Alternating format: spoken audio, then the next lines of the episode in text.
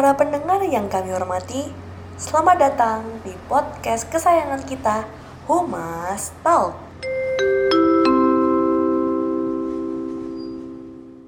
Halo semua. Selamat datang di podcast Humas Talk. Nah, di podcast Humas Talk volume 3 kali ini, topik yang akan kita bahas adalah seputar inklusivitas. Tepatnya saya Benita dan Suci mau ngajakin teman-teman untuk mengenal lebih dekat dengan komunitas peduli inklusi Nusantara atau yang biasa dikenal sebagai Kopinus.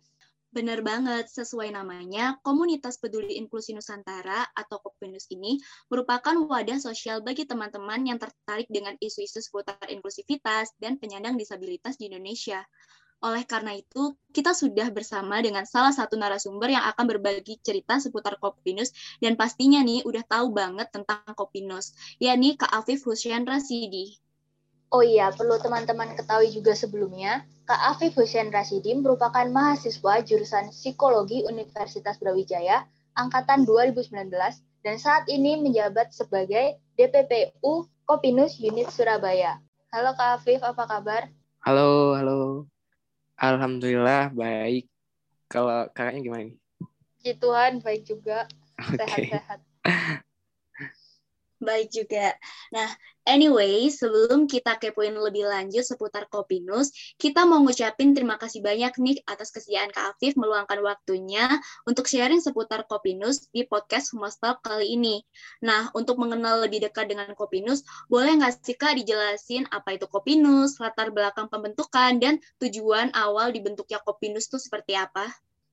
Oke, Kopinus ya. Jadi Kopinus kalau dari singkatannya gitu ya, kepanjangannya Komunitas Peduli Inklusi Nusantara. Jadi kita komunitas komunitas humanis yang bergeraknya di bidang inklusi eh, dan berfokus pada isu-isu disabilitas.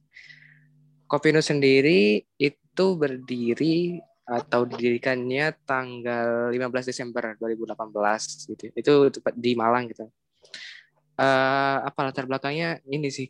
Hmm, jadi kebetulan eh, di Kopinus ini didirikan sama penyandang disabilitas juga ya. Eh, apa namanya? Kita melihat gitu permasalahan disabilitas itu kompleks gitu di Indonesia. Jangan kita ingin menjadi pemuda-pemuda yang aware gitu ya terhadap isu-isu inklusivitas, disabilitas gitu. Untuk tujuannya sendiri eh, jadi diharapkan dari Kopinus ini kita bisa jadi wadah buat teman-teman, buat pemuda, buat seluruh masyarakat Indonesia untuk menyebarluaskan nilai-nilai inklusivitas, inklusivitas gitu-gitu ya. Untuk apa? Untuk membuat suatu keadaan atau lingkungan yang inklusif bagi Nusantara atau Indonesia gitu. Oh, jadi eh, terbentuknya Kopinus itu tadi dilatar belakangi dari adanya kompleksivitas tentang isu-isu disabilitas di masyarakat ya, Kak. Nah, kalau boleh tahu nih, apa aja sih program atau kegiatan yang dilakukan oleh teman-teman di Kopinus? Eh, untuk programnya sendiri ini kita kan komunitas ya komunitas Nusantara itu komunitas yang eh, anggotanya sendiri tuh luas di seluruh Indonesia gitu. Sebenarnya di Kopinus ini ada lima unit gitu ya. Lima unit ini cabang gitu. Eh, ada unit offline sama unit online. Karena kita pandemi gitu ya, jadi kita di tahun ini geraknya online dari tahun 2020 kemarin gitu ya. Eh, sebenarnya ada unit cabang gitu cabang. Eh, kebetulan ini aku sebagai DPPU gitu ya yang ngawasin unit Surabaya. Ada lagi unit offline tuh di Malang. Jadi kita ada dua. Dan nextnya kita akan membuat Jogja sama eh, Bandung gitu untuk unit offline-nya terus untuk program kerja sendiri ya di Kopinus sebenarnya ad- eh, kita bagi program itu ada program yang kita buat secara keseluruhan ya ke seluruh unit Kopinus. Ada juga program kerja yang kita lakuin secara per unit gitu loh. Eh, salah satunya gitu ya, salah satunya ada program misalnya Gerakan Sekolah Inklusi PGSI, di mana kita PGSI ini eh, kita datang gitu ya ke sekolah-sekolah untuk menyebarkan nilai inklusi, untuk mengajarkan tentang materi inklusi, tentang isu disabilitas ke sekolah-sekolah gitu. Terus kayak misalnya ada kelas bahasa isyarat, ada podcast juga, ada olahraga dulu kita pernah ngadain seputar olahraga yang inklusi gitu. Itu sih kalau gambaran program kerjanya yang ada di Kopinus. Oke, ternyata banyak juga ya kegiatan yang dilakukan oleh teman-teman Kopinus ini. Ada tadi PGSI, ada kelas bahasa isyarat, ada podcast, dan masih banyak lagi. Nah, oh iya Ben, setelah mendengar ulasan dari Kak Afif barusan, kayaknya pengalaman Kak Afif bersama rekan-rekan Kopinus sudah cukup banyak nih dalam meningkatkan social awareness masyarakat Indonesia, khususnya terkait dengan inklusivitas.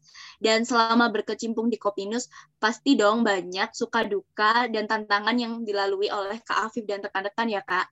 Boleh ceritain sedikit nggak Kak, gimana sih kiranya suka duka dan tantangan yang pernah Kak Afif hadapi bersama rekan-rekan Kopinus dalam melakukan gerakan peduli inklusi di Indonesia dan gimana juga cara Kak Afif menyikapi tantangan-tantangan tersebut.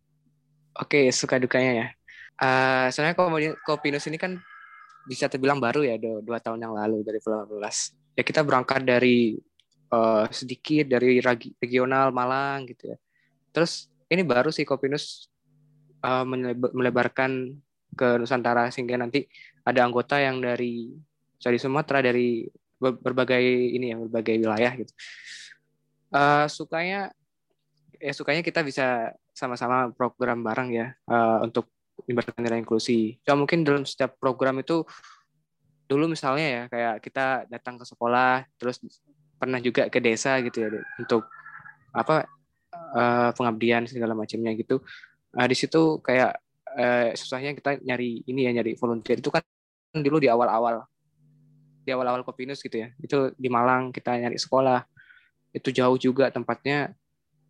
Terus kita juga ini kan bareng-bareng sama teman disabilitas gitu. Uh, ada teman-teman tunanetra gitu kita juga ajak di situ, di situ sih kita bagaimana apa ya bisa menyebarkan nilai inklusi uh, dengan kendala dengan uh, jarak yang jauh terus Medan juga ya. Di situ sih. Terus juga ini ya untuk program online sendiri. Program online kan kita uh, ibaratnya baru baru terjun untuk buka secara nasional. Dan itu uh, peminatnya kita kaget juga sih bisa banyak gitu ya. Jadi waktu awal kita buka oprek uh, itu peminatnya banyak 200 gitu, sampai sampai 200 gitu gitu uh, di situ sih kita kayak kayak kebingungan untuk pertama kali membuka secara nasional. Tapi alhamdulillah sekarang bisa lancar gitu. Walaupun ya uh, untuk permasalahan kayak apa mengatur ya SDM yang begitu banyaknya gitu ya. Di berbagai itu uh, perlu ini ya ada proses untuk menyatukannya itu dengan program-program kerja gitu.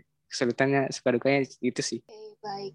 Jadi tantangan yang di dihadapi oleh teman-teman Kopinus ini cukup beragam ya, khususnya untuk masalah jarak dan mungkin karena baru merintis perlu untuk mengkoordinasikan sumber daya yang ada.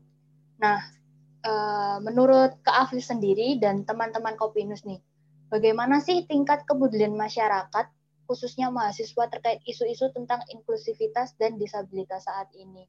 Dan mengapa sekiranya masyarakat, khususnya mahasiswa, sangat perlu untuk peduli terkait isu-isu tersebut.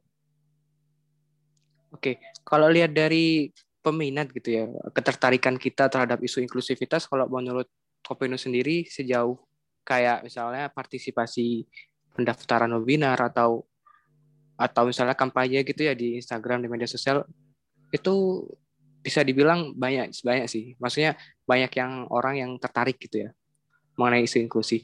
Cuma mungkin dalam uh, pengabdian atau dalam aplikasi gitu ya, dalam untuk benar-benar kita uh, aware atau bisa memiliki tindakan gerakan yang seperti itu, mungkin ini yang agak agak sulit gitu ya.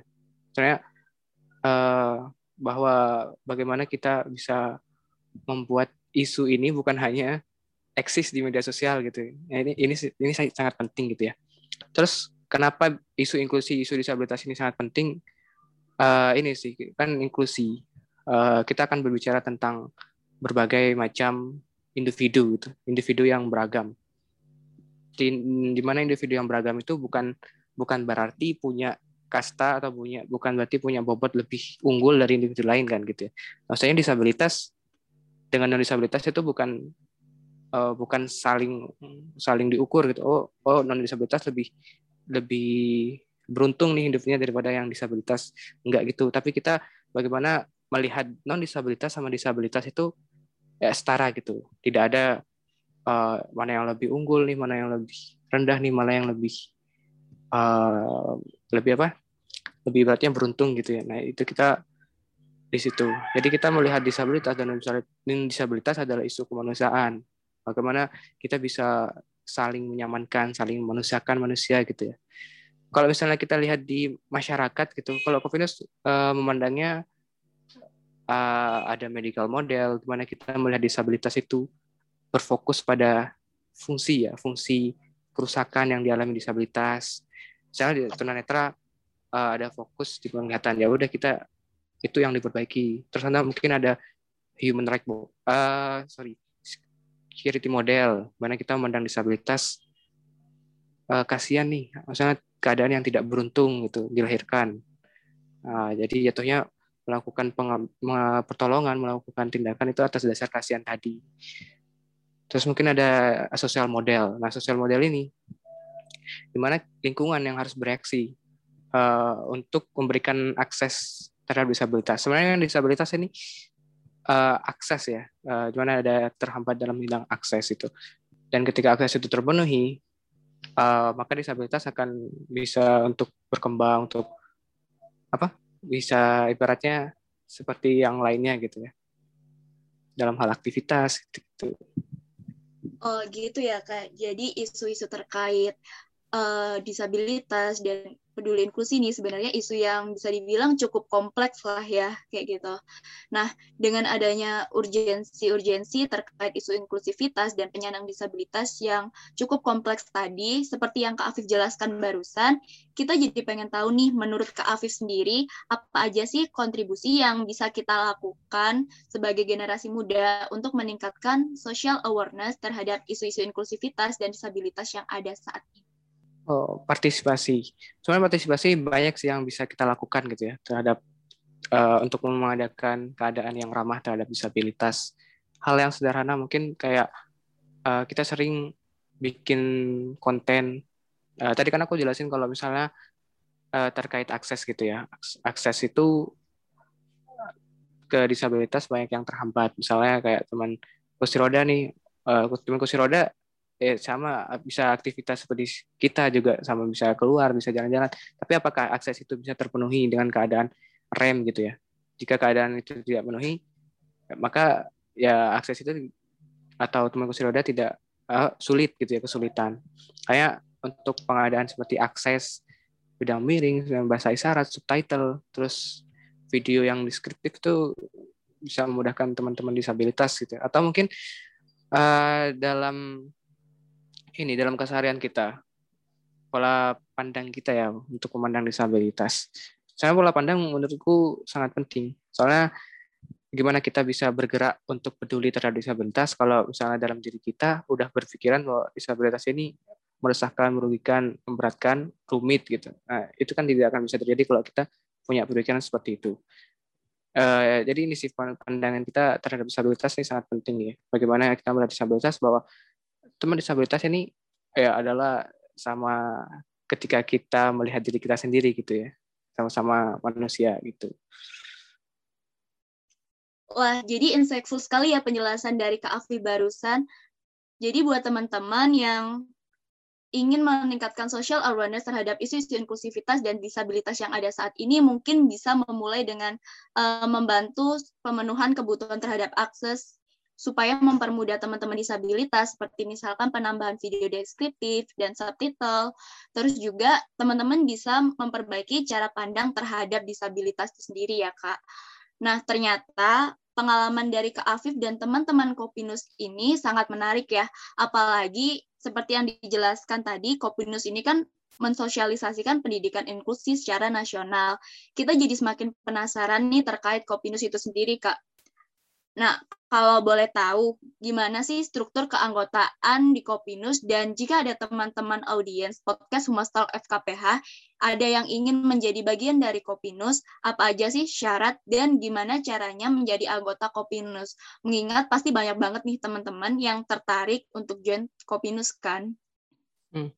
Pertama ini ya, kita harus tahu informasi tentang Kopinus di media sosial gitu kan soalnya Kopinus juga ada media sosial juga terkenal IG itu bisa dicek seputar apa aja yang udah kita lakukan ya. Secara mungkin secara informatif bisa dilihat di IG misalnya uh, IG-nya itu ko underscore Pinus terus kita juga ada podcast lebih Kopinus gitu-gitu. Uh, untuk Kopinus sendiri ya uh, yang tadi aku udah jelasin Kopinus ini terbuka buat siapa pun ya. Maksudnya tidak terpaku jarak uh, Malang Surabaya atau Jogja gitu-gitu. Semuanya bisa daftar. Uh, ada lima unit sih sementara ini. Uh, online sama offline tadi ada cabang Surabaya, cabang Malang. Terus untuk yang teman-teman di luar Malang dan Surabaya itu kita kumpulkan dalam satu unit dan kerjanya online. Uh, untuk pendaftaran ya, untuk mendaftarkan diri ke Kopinus sendiri, sebenarnya bisa aja langsung gitu ya, langsung DM ke IG-nya ko underscore Venus itu atau atau kita juga bisa ini sih kita juga apa buka oprek gitu secara rutin biasanya. Dan informasi oprek itu akan kami update ya selalu ya di IG kita juga pernah kita juga buka oprek sebelumnya di bulan Februari. Jadi bisa bisa nunggu oprek atau atau enggak langsung DM aja di media sosial Kopinus. Oke, jadi itu tadi syarat dan caranya untuk bergabung dengan Kopinus. Ternyata Kopinus sendiri ini terbuka untuk umum ya teman-teman. Ngomong-ngomong lengkap juga pembicaraan kita mengenai Kopinus atau Komunitas Peduli Inklusi Nusantara di podcast kali ini bersama Kak Afif. Nah, untuk teman-teman yang tertarik mengenal lebih lanjut tentang Kopinus, termasuk kegiatan-kegiatan yang dilakukan oleh Kopinus dan informasi mengenai open recruitment-nya bisa langsung untuk cek official akun Instagram Kopinus yakni @co underscore Dan di penghujung podcast kali ini, kami juga ingin mengucapkan terima kasih banyak kepada Kak Afif selaku DPPU Unit Surabaya dari Kopinus yang udah bersedia buat berbagi informasi dan pengalaman di podcast kali ini. Semoga sharing dengan Kak Afif tentang komunitas peduli inklusi Nusantara atau Kopinus ini menjadikan kita semua semakin mengenal apa itu Kopinus dan dapat meningkatkan social awareness kita semua. Sekian podcast Humas Talk FKPH volume 3. Saya Suci dan rekan saya Benita undur diri. Sampai jumpa di podcast Humas Talk selanjutnya. Bye-bye.